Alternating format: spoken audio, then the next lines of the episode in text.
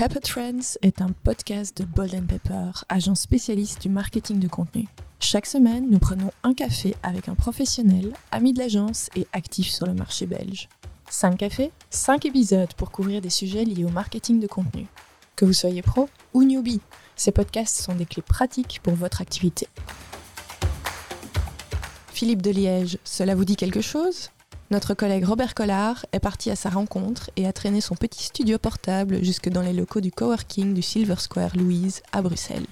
Au menu, le storytelling, un anglicisme qui façonne plus le monde qu'on ne le pense.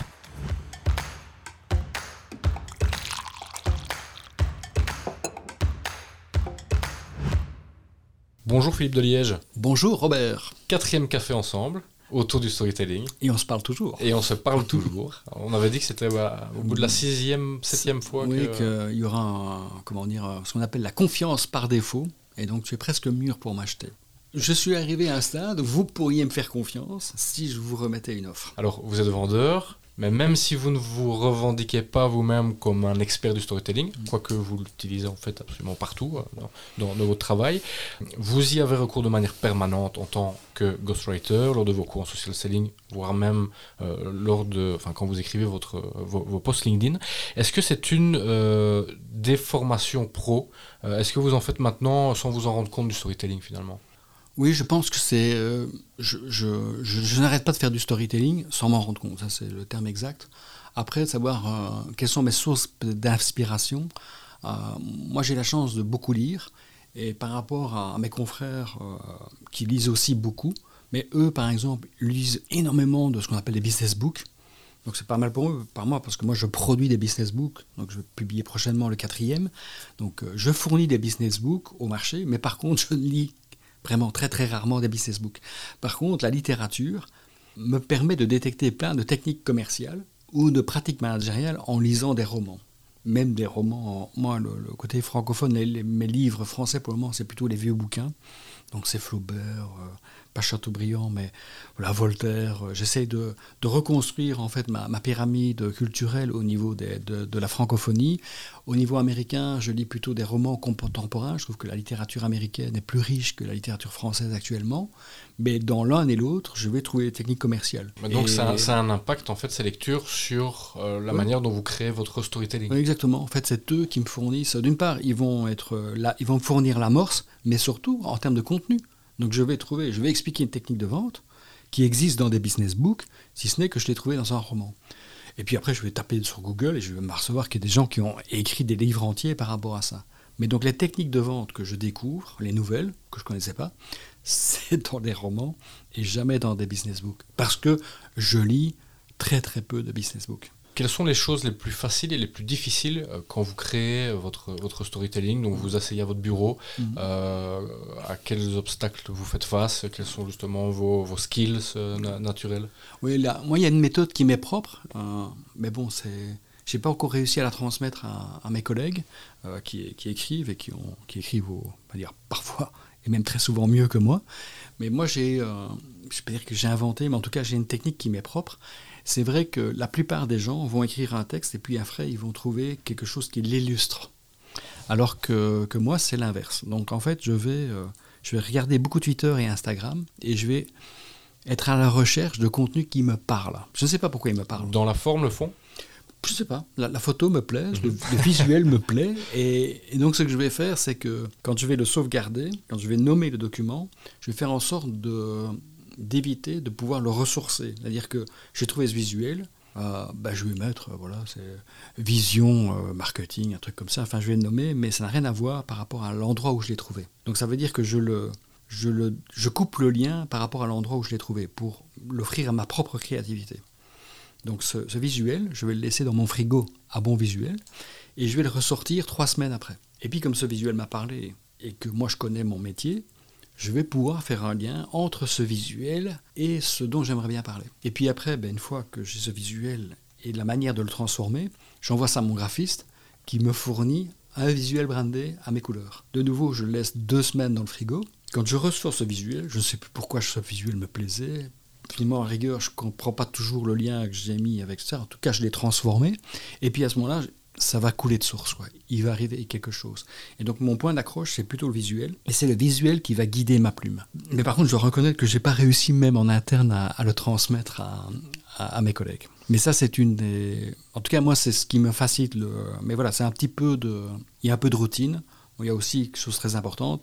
Si ce visuel appartient à une grande marque, il faut quand même garder le sourcing. Hein. Donc, euh, il faut, à un moment donné, si c'est protégé par des droits d'auteur, il faut pouvoir dire à un moment donné que soit de ne pas gommer le logo, etc., ou de le citer de, manière, d'une manière ou d'une autre. Quand on est un storyteller, est-ce qu'on peut rencontrer le syndrome de la page blanche? Non, moi je l'ai jamais. Donc, euh, c'est aussi bien pour mes, mes clients. Donc, c'est plutôt l'inverse. Nous, honnêtement, on produit trop pour nos clients. C'est eux qui ralentissent la, la, le nombre de publications. Euh, mais là, non, moi je ne. C'est un truc que j'ai jamais eu. Mais par contre, j'ai suivi pas mal de, formations qui, qui expliquent comment, comment gommer ce, syndrome, quoi. Ne pas y arriver, on ne trouve rien à dire. Et puis, euh, donc le, fait que ça m'arrivait pas et qu'en plus je connais les techniques pour solutionner si ça m'arrivait, donc je suis doublement armé. Voilà, j'ai le double vaccin par rapport à ça. Donc j'étais immunisé. Bon, peut-être que demain je vais pleurer et que j'ai retrouvé rien à dire, mais en fait, en général, euh, je trouve toujours euh, quelque chose à dire. Donc ça veut dire que vous avez des conseils aussi pour ceux qui nous écoutent. Euh, on va revenir un tout petit peu en, arrière sur le côté stratégique du storytelling. Est-ce que vous auriez des conseils de pro du storytelling? Parce que malgré tout, vous en êtes un de pro du storytelling, Philippe de Liège. Premièrement, pour définir ces personnages et sa cible, peut-être partir d'un cas fictif. Donc, quand, quels seraient vos conseils à donner aux gens qui ont envie de se lancer dans le storytelling pour dans un premier temps, d'établir tout simplement la, leur cible Mais Le plus facile, c'est de parler de ce qu'on connaît bien donc, et de, de, de, son vécu. Donc il ne faut pas avoir peur de, parler de, soi à travers un personnage. Parce que là, à ce moment-là, on quand finalement vous parlez de vous, vous connaissez bien, donc vous n'aurez justement pas ce problème d'alimentation, de, d'avoir des choses à dire. Ce qui est très important, en fait, ça va se voir tout de suite. Quelqu'un qui joue faux, ça se voit, quoi. Un acteur qui joue faux, c'est punaise, quoi. Il connaît pas son texte ou, ou le surjoue, etc. Donc, il faut avoir un socle qui, qui soit bon. Je suis désolé, mais je, pense que c'est. Chaque fois, j'en aurais parlé, sauf la dernière fois, je vais reparler de nouveau de Philippe Gillon. Et Philippe Gillon, c'est assez étonnant, dans tous ses romans, il y a très souvent un des personnages est un romancier. Mais pourquoi? Parce que Philippe Gillon n'a jamais travaillé de sa vie. Enfin, si, écrire est un métier, mais il n'a jamais d'exercer d'autres métiers. Donc, comment voulez-vous que ce mec comprenne comment réfléchit un, un entrepreneur d'une boîte de 3000 personnes, puisqu'il n'a jamais été? Donc, c'est vrai qu'il peut en parler, mais par contre, si dans ces personnages, il y a un qui est romancier, comme il y a un élément et il parle comme un romancier et ça sonne juste, tout ce qu'il va dire autour va être également juste. Donc c'est très très important que ce soit ancré dans une certaine réalité. Pense également la science-fiction. Enfin, je suis pas j'adore pas la science-fiction, mais je pense que la science-fiction repose quand même sur l'historique de la science-fiction. Donc ça n'existe pas, mais comme ça a déjà été écrit, ça existe. Et donc la science-fiction va se compléter sur une autre science-fiction. Donc je pense que c'est dans le domaine du, du, possible. Donc, je suis plus sûr d'avoir répondu et j'ai oublié la question. Oui, de non, répondre pas du tout ça, mais, c'est très intéressant. Moi, ma question c'était plutôt par rapport à la cible. Alors c'est vrai peut-être que ma question arrivait un petit peu un petit peu trop tôt. Là, du coup, on a plutôt parlé de la qualité du message et de l'authenticité du message. Mais ma, ma première question c'était plutôt par rapport à la cible, puisque euh, admettons qu'une société, une entreprise ait déjà ce message, soit déjà en mesure d'en parler de, manière authentique. à qui on parle? Oui, Et à qui vous parlez en oui, fait je, vais, essayer de parler de deux, sujets. C'est des, je vais me perdre, donc je te dis deux choses dont j'aimerais bien parler. C'est revenir sur le côté de la cible, à qui je parle, et deuxièmement, ce que j'appelle des tics d'écriture. Et, c'est quoi en fait euh, ben, ben, La cible, en fait, c'est s'imaginer. Ben, si vous parlez à un patron, naturellement, il s'attend que vous parliez d'une certaine manière. Quoi. Donc, naturellement, si vous ne l'imaginez pas, ça va être compliqué. Je n'ai pas oublié, je vais revenir sur les tics d'écriture. Ce qui est très important, c'est que quand vous écrivez un roman, il faut que la voix, la manière de vous, exprimer, elle ne bouge pas en fait. La manière dont vous avez parlé ne va pas évoluer en fonction de vos chapitres. Donc là, il faut vraiment être toujours aligné par rapport à ça. Donc, vous pouvez définir de dire, tiens, je vais mettre aucune négation dans mon texte. Je vais mettre aucune adverbe dans mon texte. Je vais toujours parler au jeu. Puis quand je parle au client, vous ou le nous. Donc voilà, c'est des, de dire à un moment donné, de dire un style d'écriture. Alors c'est vrai dans la forme? Dans la forme. Donc là, je vais faire une différence entre. Pour moi, je fais. Enfin, j'y suis arrivé au niveau des, business books, donc j'en produis et les gens me payent pour que je les produise. pour le, le cas du roman, c'est pas le cas, mais j'en écris un. Donc c'est vrai, quand vous écrivez un, un roman, c'est le style qui va guider votre plume. Donc là, l'histoire n'existe pas, ou que c'est même pas la fin, mais si le style est bon et que vous respectez le style, à un moment donné, les choses vont s'enclencher. Donc ça, c'est le style qui va définir la fin de l'histoire. Et finalement, notre objectif, c'est pas de vendre un truc quand vous écrivez un roman, c'est qu'il y a une histoire cohérente qui existe. Par contre, au niveau du business book, c'est très différent. Vous connaissez le point de départ et le point d'arrivée. Il faut le convaincre de faire quelque chose ou d'acheter vos produits ou simplement de peut-être de changer de vie, etc. Vous avez un objectif très précis. Alors là, c'est l'inverse. Il faut écrire l'histoire et puis après mettre un style et dire ok ben vous allez faire pa laguer quoi enlever les, locutions etc mais vous avez besoin pour que tout paraisse cohérent Qu'il y ait une cohérence, sur le long terme voilà donc pour le moment en fait le, quatrième je l'ai écrit de cette manière là c'est de, de dire il n'y a aucun élément que j'ai oublié dans, dans ma trame pour arriver à l'objectif et puis après, j'ai travaillé sur le, style. Mais le point commun, c'est qu'il faut respecter un certain nombre de styles. Pour notre propre métier, puisque nous, on, est ghostwriter, euh, on est porte-plume par rapport à d'autres personnes, ben, il est clair que quand j'écris pour Pierre, ben, il est clair qu'il ne faut pas que le style de Pierre varie d'un jour à l'autre. quoi. C'est dire, OK, ou soit finalement identique à celui d'Arthur Oui, d'Arthur, donc de Solène. Voilà, il faut une spécificité, quoi. Mais surtout la maintenir, parce que si Pierre parle comme Arthur et puis Arthur parle comme Pierre, où est la cohérence quoi. Donc il faut rester toujours euh, très très strict. Et à un moment donné, il faut. Bah, nous, entre guillemets, on, la documente. Hein. donc, euh, on a plusieurs ghostwriters qui, qui, travaillent pour la même personne, et donc ils sont obligés de, de, de, commencer par le style d'écriture. Mmh. Style d'écriture, ça commence toujours par peut-être par le jeu. Euh, également, c'est de surexploiter justement le jeu.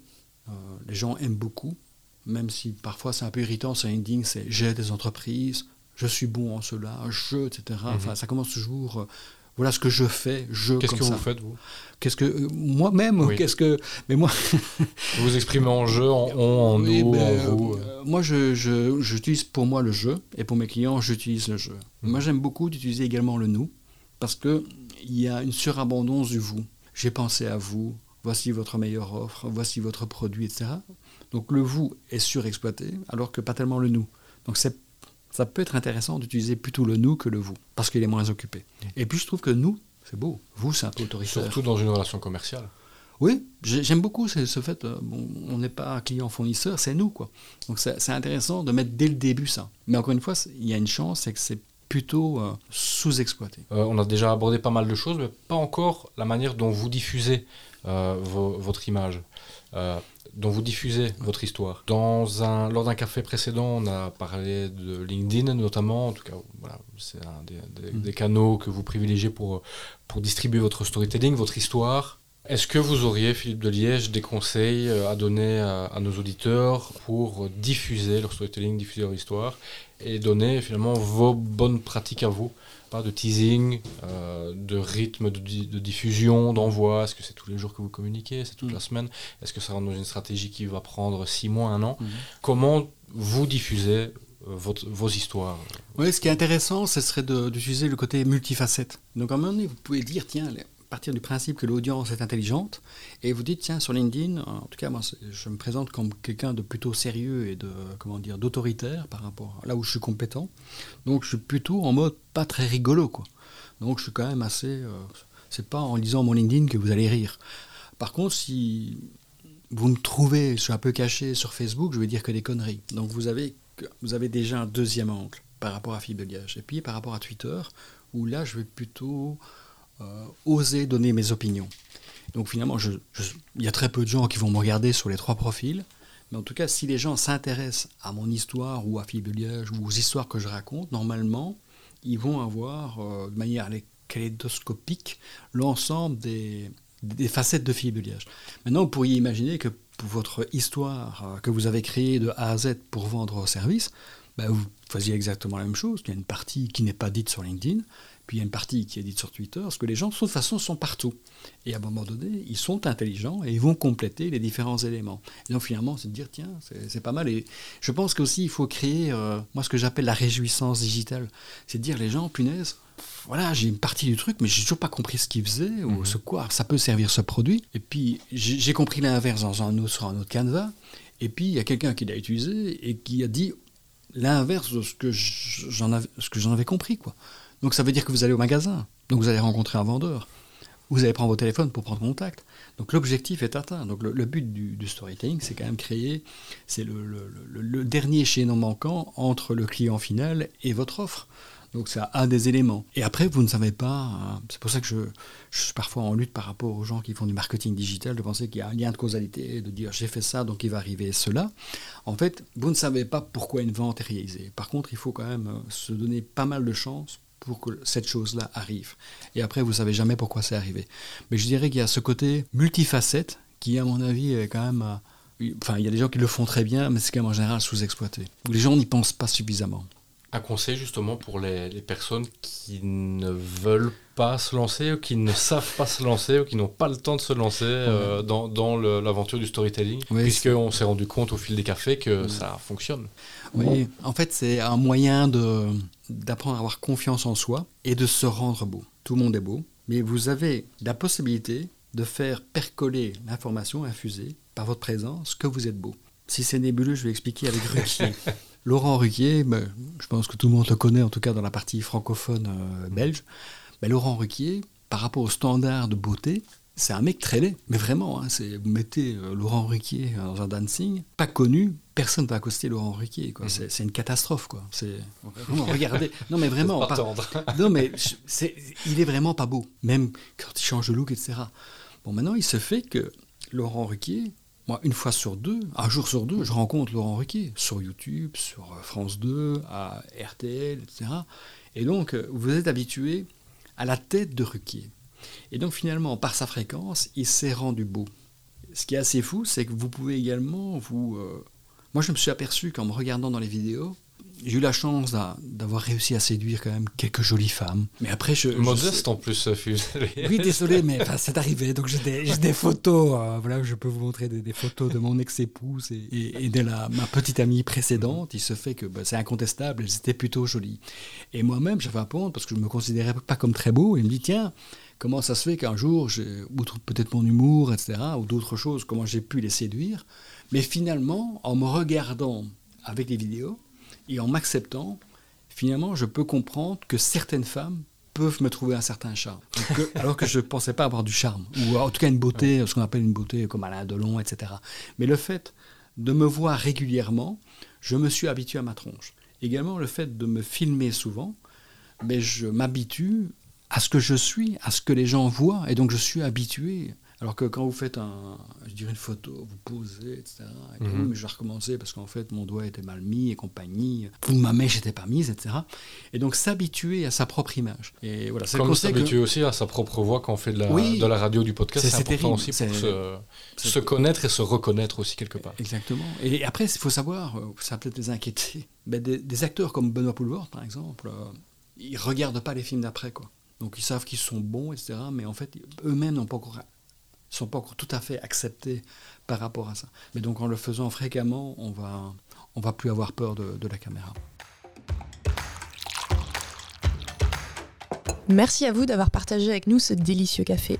Ce podcast a été concocté avec beaucoup d'amitié, toujours en essayant de vous apporter le plus de valeur possible. Vous voulez réécouter un épisode? Rendez-vous sur www.boldenpepper.be dans notre onglet Podcast. Envie de vous tenir informé de la sortie des autres épisodes ou de suivre les actualités de l'agence Bolden Pepper Gardez nos réseaux à l'œil. À très bientôt